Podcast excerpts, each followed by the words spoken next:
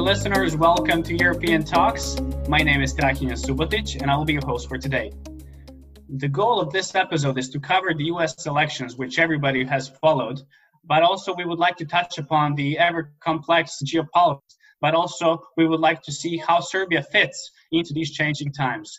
In order to answer all of these topics and questions, we have invited, and it is our pleasure to introduce Mr. John Allen, who's a retired four-star general, and he is also today a president of Brookings Institution. Mr. Allen, thank you for being with us. It's a real pleasure to join you today. Thank you very much for the invitation. Thank you once again for joining us.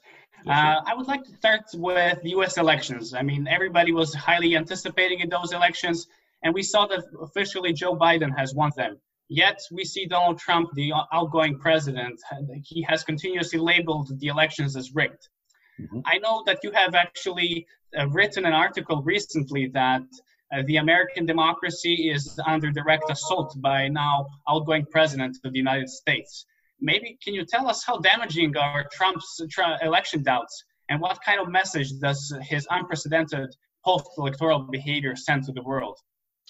Well, it's several uh, issues. Uh, at the most uh, basic issue, uh, it has for a large number of Americans thrown the outcome of the election into doubt. And it's baseless. Uh, he has attempted to bring lawsuits in, in uh, a number of the states. And of course, we vote at the state and local level in the United States, even in our national elections. And he's attempted to bring a number of lawsuits uh, against uh, the outcomes in several key states. We call them battleground states because it's really the area where the decisions will be made on the outcome. Okay. And in almost every case, those lawsuits have been thrown out without merit, without basis or validity. So, uh, absent his ability to make the legal case that uh, the election uh, was failed as a process, uh, he continues to uh, issue baseless claims that it was rigged or, or it was falsified, etc. And even though the law, our courts, uh, are increasingly uh, siding against all of those kinds of claims when they appear in the form of a lawsuit. Okay.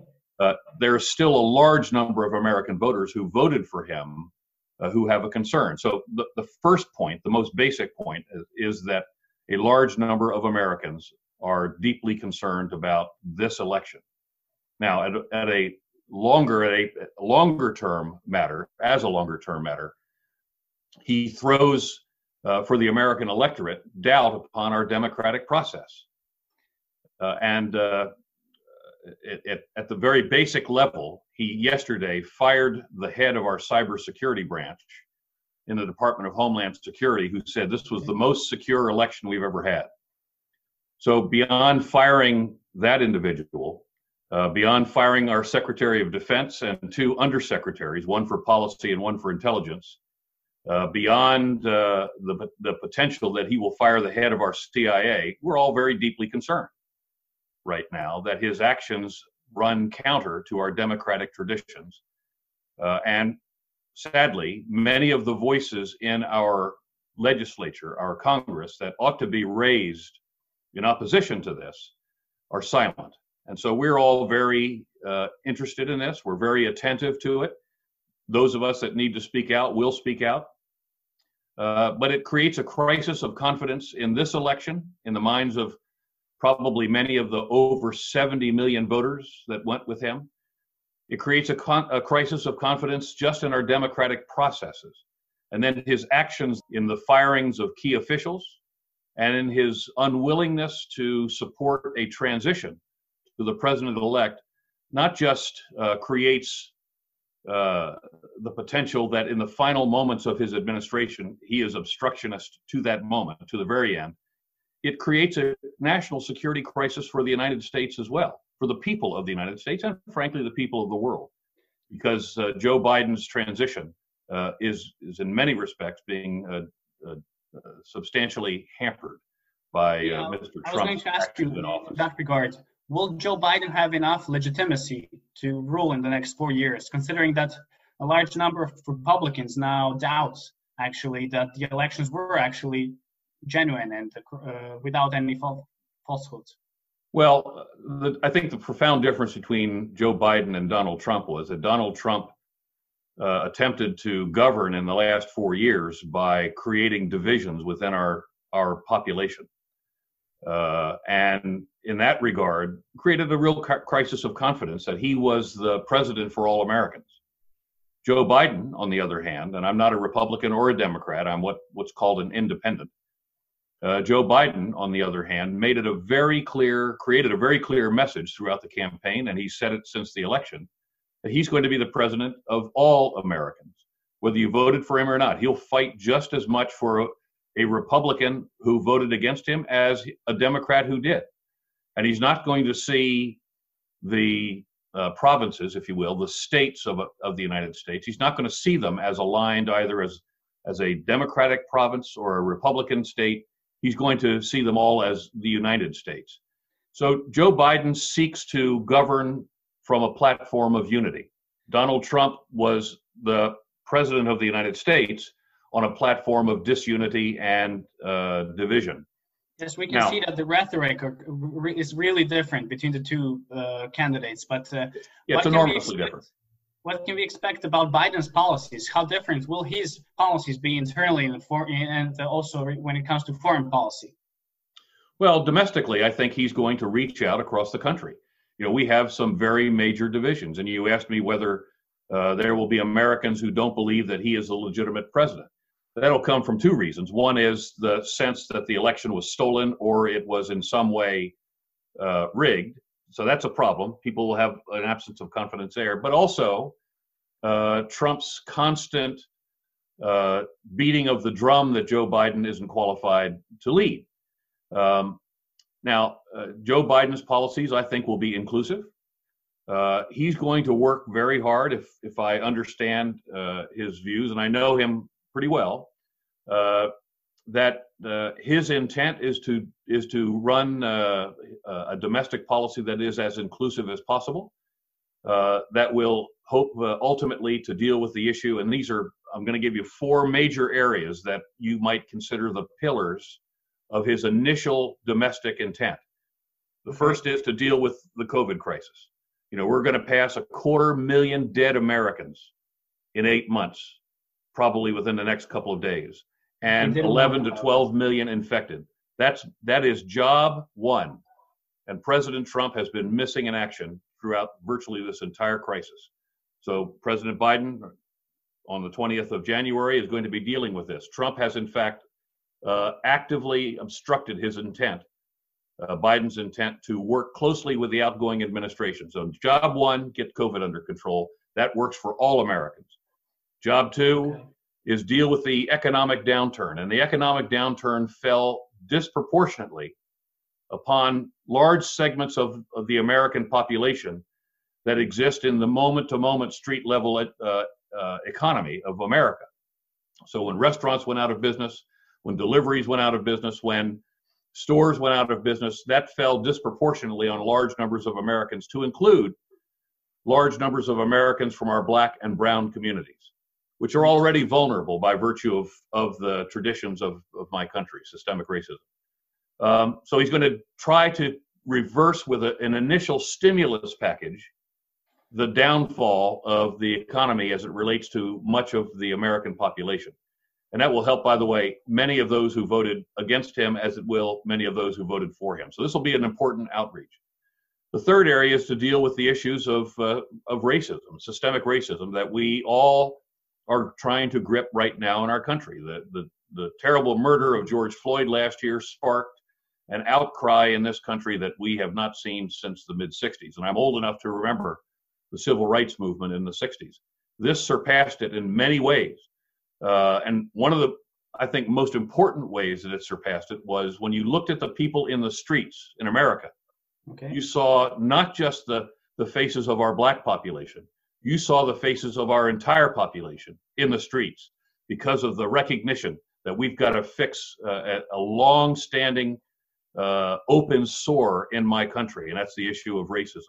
Joe Biden is going to work actively in that regard. And if you see, first of all, the ticket, you know, he's going to, we're going to have the first woman vice president in the United States.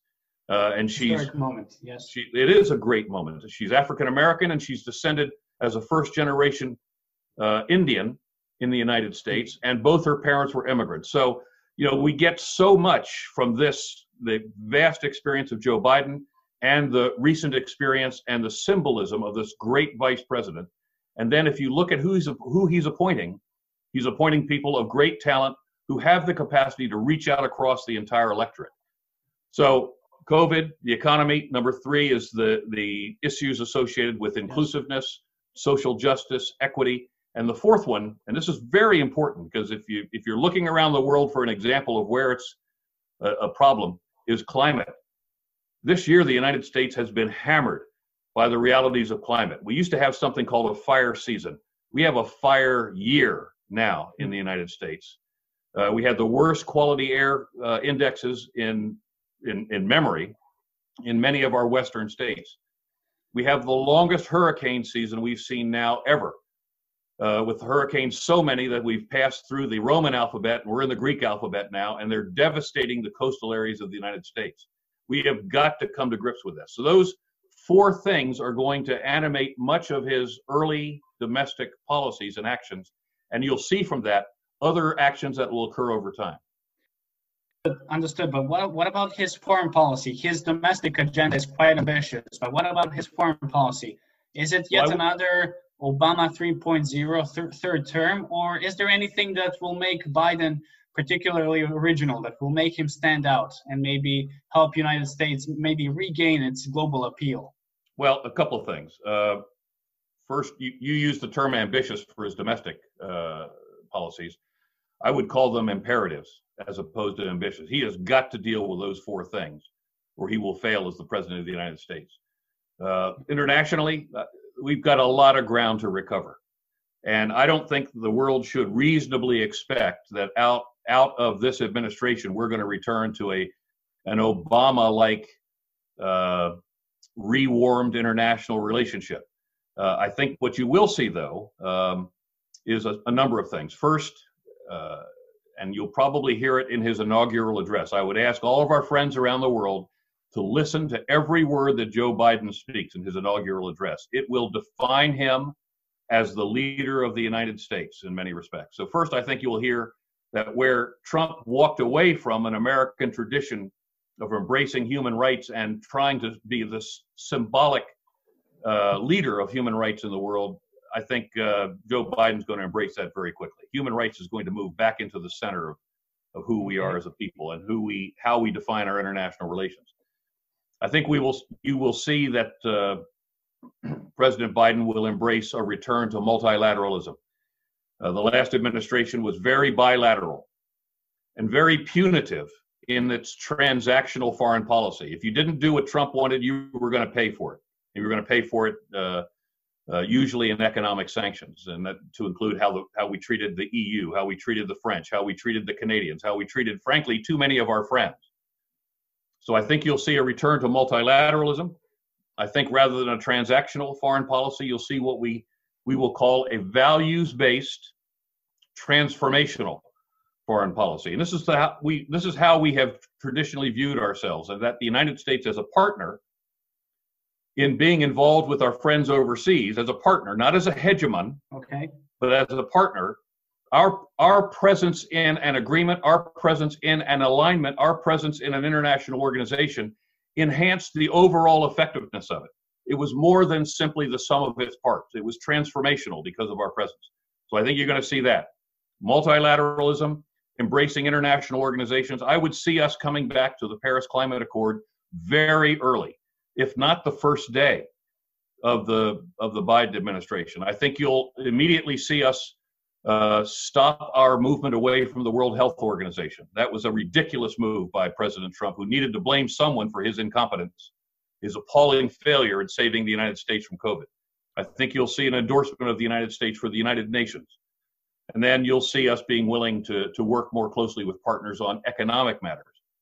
Um, and then I, I think we'll be very clear on what we will expect of those who have slipped into illiberalism, uh, how we will deal with authoritarian states and certainly uh, totalitarian states.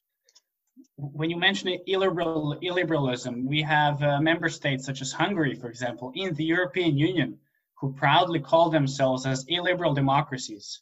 We also see Serbia it has significant democratic backsliding issues, which also has to do with illiberalism and issues with rule of law. So when you mention the maybe stronger position of human rights and rule of law of the United States, does it apply only to those countries such as China and Russia, or does it also apply to those countries in Europe? Well, I think we we're going to be open to conversations with those countries. But I tell you, you're not going to see Viktor Orban in the Oval Office with President Biden telling him he's doing a great job or comparing the success of, of Viktor Orban's to the success of Donald Trump. You're not going to see that. You just aren't. Uh, you're going to see the United States attempting to have conversations with those those what have we traditionally considered constitutional democracies, having conversations with them about how they have slipped away from the, the inherent principles of those, those democracies. And those democracies with whom we can deal with, those democracies for whom human rights are at the core of their identity, we're going to find that we can operate very closely with them, very much in harmony with them. Those democracies that have trampled the human rights associated with the, their constitutions that have slipped away from them, it will be more difficult, frankly, uh, to, to, deal with the United States uh, as a partner uh, when in fact uh, the, the leadership of a particular country has intentionally uh, slipped into illiberalism for the benefit of both uh, obtaining and con- obtaining and retaining power at the expense of the human rights of the people in that country. Understood, but I would like to touch upon maybe on China. You have a really large experience when it comes to China. As I, as far as I know, as part of the George W. Bush administration, you were involved extensively with policy initiatives involving China and uh, Southeast China.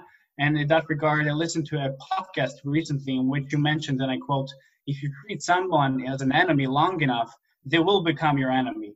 Is that maybe a criticism to the United States, who maybe increasingly calls uh, China as a rival, or even the EU, who has maybe recently also labeled China as a systemic rival? Would you think yeah. that uh, your criticism maybe uh, should be directed even to them? No, my criticism was specifically against the Trump administration. Okay. You know, part of the uh, philosophy of those who seek to govern govern illiberally is that they have to do so by exploiting what are known as others. And others can be other countries that give them the, the capacity to pursue a policy at the expense of that country, or others can be elements or segments of your population, like immigrants, or like okay. the black and brown population, or like the Chinese. Um, several things. First, uh, we can have a very constructive relationship with China. It's possible to have but we have to enter that relationship embracing our values, our values associated with human rights. And in that regard, um, we are never going to sign up to the Chinese uh, human rights agenda with respect to the Uyghurs in Xinjiang. Okay. Uh, and we should be outraged over what has happened in Hong Kong. And I think we will be. And we should be very clear about our support for Taiwan, not for Taiwan independence, but for Taiwan's democracy, and Taiwan's way of life. We've already uh, committed ourselves to a one China policy, but our policy is very clear with respect to Taiwan. While we don't support its independence, we will actively oppose any actions by either side to forcibly change the status quo. So I think the relationship with China is one, and we talk about four C's at Brookings, four C's. The first is look for ways to cooperate. There are a lot of problems in this world we're going to face in the 21st century. And we're not going to solve those problems if the United States and China can't cooperate. More broadly, I would say that the community of democracies and China can't cooperate. That's in medicine, it's in pandemic control, it's in artificial intelligence, it's in climate. A lot of areas where we can find ways to cooperate and be effective. And then we talk about recognizing that we'll have to compete against the Chinese. And the smart leader will look for opportunity and competition but try to manage the competition so it doesn't become the third C. And the third C is confrontation. And that's where the Trump administration has taken us into a consistently confrontational relationship with the Chinese. Now, I don't know a lot about a lot of things, but I know a lot about going to war. And when you're in a persistent policy of confrontation with a thermonuclear power, the road from confrontation to conflict, the fourth C, is short and it's dangerously slippery. And so it's okay to call the Chinese comp- competitors strategic. Is it possible? Is it possible for Biden administration to be constructive partner, to have constructive re- relationship with China, while at the same time having a stronger position on human rights? We all know sure that China. Sure, it is. Look, and, and, we need to hold the Chinese accountable for their predatory trade uh, actions uh, and the economic principles that we don't agree with, because we line up with the EU very strongly on those matters. And when the EU calls China a strategic rival, it doesn't mean China is a strategic enemy. It means they're a rival. And the way you deal with a rival is to outcompete the rival. First of all, the one thing we have in common with the EU, uh, completely apart from the Trump administration, but America has in common with the EU, is a common set of values with respect to human rights and the rights of women and the rights of, uh, of workers and minorities. The, the second thing we share is, is a highly advanced uh, set of uh, democratic principles and highly advanced technologies. And here's an opportunity for us to compete with China in a manner that uh, makes the, the way we do it, in the manner that makes uh, our consortium with the democracies more attractive in the world than the Chinese. The Chinese have an alternative model. It's called democ- uh, authoritarian capitalism. And for many countries in the world, it's easier to embrace Chinese authoritarian capitalism because there's no price for doing that in, con- in the context of uh, human rights in those countries or uh, uh, relationships with the uh, with the West. We've got to outcompete the Chinese on those valuable, important issues on human rights, on technology, on re- supporting our democracies, and in fact helping those countries that have become illiberal or those countries that are struggling to establish a credible set of a, a credible system of governance to help them to find their way into democracy. And I'm not talking about the U.S. exporting democracy. I'm talking about the U.S. helping countries that are struggling to find their way, and many of them in the developing world are, helping them to find their way through constructive engagement with the EU and the United States or the community of democracies writ large. But in that regard, how does Serbia, for example, fit into that picture? We see it struggling with its democratic levels, but uh, on the other hand, it has ever closer relationship. It has developed the, the very close relationship with China. Recently, uh, Serbia has even endorsed China's position in the United Nations Human Rights Council on the situation in Xinjiang on Uyghurs by saying that China has done nothing wrong and the situation in this region is uh, fully normalized. Serbia has also endorsed the proactively China in Hong Kong, for example. So it, and finally, it has never supported any EU declaration which targeted China. So, do you see Serbia changing this position in the near future, and how can it be done? How can we nudge Serbia to maybe stick to those principles that, the, for example, EU and the uh, United States abide to? Well, Serbians are going to have to deal with that. I, I, I would not be so presumptuous as to dictate how Serbians ought to deal with that, but I will simply tell you that the United States will take note of the positions that Serbia has taken with respect to Chinese massive violation of the human rights of the Uyghurs. There are a million Uyghurs in concentration camps. Uh, you can't use any other term. They're trying to re engineer the, the mentality of a million Uyghurs. Why? Because they look different and because they worship a different country, uh, a different faith. And so the United States is not going to tell uh, Serbia what it does and shouldn't do.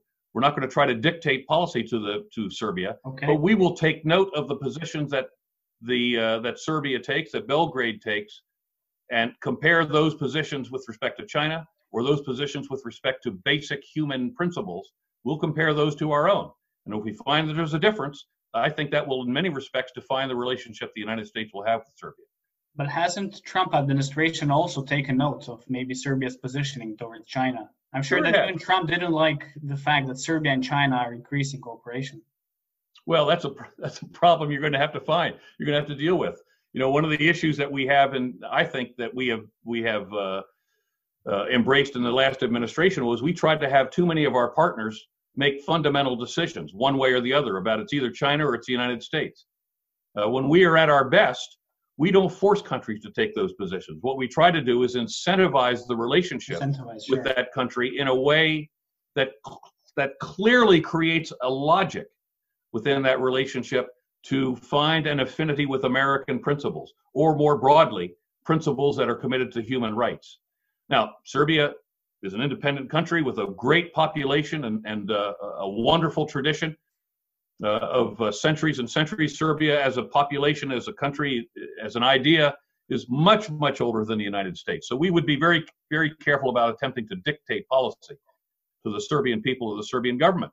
But we are going to take note of how Serbia's policies interrelate with the EU, which we're going to become very close allies with, uh, and how it relates to China. And, and we may be able to find that there are constructive ways that we can cooperate with Serbia on matters of China. But which described that maybe Serbo-American relationship is becoming more constructive as time passes. We've seen that President of Serbia has met the President of the United States in White House. They signed an agreement not only that uh, it's supposed to aid the economic normalization between Belgrade and Pristina, but also to build closer ties with the United States and to maybe uh, nudge away Serbia uh, from to discourage Serbia from building closer technological ties with China, as there is a clause that says that Serbia will not agree to work with any untrusted vendors when it comes to 5G. Sure, so, do, sure. do you think this is a maybe a uh, good good way forward for the U.S. to continue? I do. Uh, you know, often we can have uh, strong and very constructive economic relationships with countries where our democracies don't necessarily line up and find that and create that for a deeper relationship in other areas as well. Um, first, I was very glad to see the agreement. Uh, I think we call it the 2020 Washington Agreement. I was very glad to see that. Um, and I think uh, what you will see in the Biden administration is that all of those agreements will be looked at very carefully. And if it makes sense to continue to support those agreements, and I suspect that, that it will make good sense to support that we'll see the Biden administration continue on the trajectory of supporting uh, not just an economic normalization between uh, Pristina and Belgrade, uh, but uh, have that uh, convert over time into something that's useful on a political level political normalization. Um, that's that's in the end what we should all seek. Uh, but there will be difficulties associated with it. The history uh, between Kosovo and uh, Serbia is is fraught. It has been for many many years, and I think the United States and the EU have a unique uh, role. But the United States in particular, and the Biden administration, I think, will be uniquely qualified in this regard to try to create uh, a way forward between Washington and Belgrade and Pristina that can be uh, constructive at a political level as well as an economic level for both countries. But as Belgrade hasn't hasn't been hiding its sympathies towards Trump, for example, mm-hmm. and considering that Biden doesn't have such a great reputation here in Serbia, as many people remain remember the 90s, do you sure. think that Biden and his administration will somehow manage to maybe advance what Trump has already done in the past months and years? Well, a couple things. I would, uh, again, I would not be so presumptuous as to tell Serbians to do anything, but I would give strong advice to Serbian leadership to stop using the term Serb hater uh, when they talk about Joe Biden. You know, you, you used a, the term a few minutes ago. If you call somebody an enemy long enough, they become an enemy. call Joe Biden Serb hater long enough, guess what might happen? And we don't want that to happen. And of course, it's never been true uh, as we see the Biden uh, foreign policy unfold, uh, which will which will reemphasize a deepening of multilateral and bilateral relationships on a transformational level. This is an op- a real opportunity for the leadership in Belgrade to reach out to Washington uh, to create the kind of relationship that you want going forward. But if if rhetoric in the political leadership in uh, Belgrade em- continues to emphasize that Joe Biden is a Serb hater, eh, it's just not going to be helpful. It just it just isn't helpful. Let's try to give this a clean start uh, because certainly Serbia needs it, and certainly I think the United States would want it. So I I'll stop there. That's a great great insight, and I think Belgrade should listen to this recommendation. I hope they do. I hope they do very carefully. And uh, we need to wrap up this uh, conversation as much as it is very, very interesting. We are running out of time. Just a small, really short question for you. Uh, Biden mentioned uh, in his program, and it's available on his website, that uh, he would like to organize and host a global summit on democracy And uh, within the summit, he would invite democracies in those countries to, that aspire to consolidate their democracies. He would invite them to work together and find common solutions. Know, within this framework, he would also invite civil society organizations. Can you tell us a little bit more about the summit? Is there anything we can expect from it? And maybe can civil, Serbia, civil society of Serbia maybe expect to play a role in this? Well, I'm talking to somebody right now. You, uh, who represents, I think, a very important, uh, extremely important uh, representation and demonstration of uh, the effectiveness of civil society. And uh, again, I'm very careful about giving advice to foreign leadership, but I would simply say that uh, that President Biden is going to move pretty quickly on this matter of a summit of democracies, and it may, in fact, become a term of use uh, and look, we have to we have to come together as democracies going forward. You know, the ravages of of this pandemic may only be the first of many that we'll see in the 21st century. The challenges of a bifurcated technology, a Chinese technology versus a technology for the rest of the world, that's going to make things difficult in the 21st century. Climate is going to be god awful. And if, if Europe didn't like the 2 million people that came out of Syria, which are uh, conflict refugees. We expect that by 2070, 150 million people will become climate refugees. If we don't get together on this as a community of democracies, we're going to have some very serious challenges. So, again, my advice uh, would be that Belgrade should put its hand in the air very quickly and very soon, uh, expressing a desire to be part of the Summit of Democracies. And uh, whether the government in Belgrade invites civil society to come or friends uh, between think tanks can make the case that certain think tanks ought to be invited, that can happen.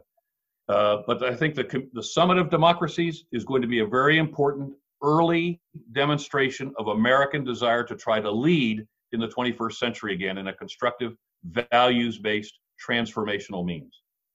Thank you very much, and we hope that we will be able to speak more to you about this topic in the following period. And I really appreciate that you found your time in your busy schedule to talk to us. Thank you for what you're doing as well. You are certainly a light uh, in your part of the world. So thank you very much.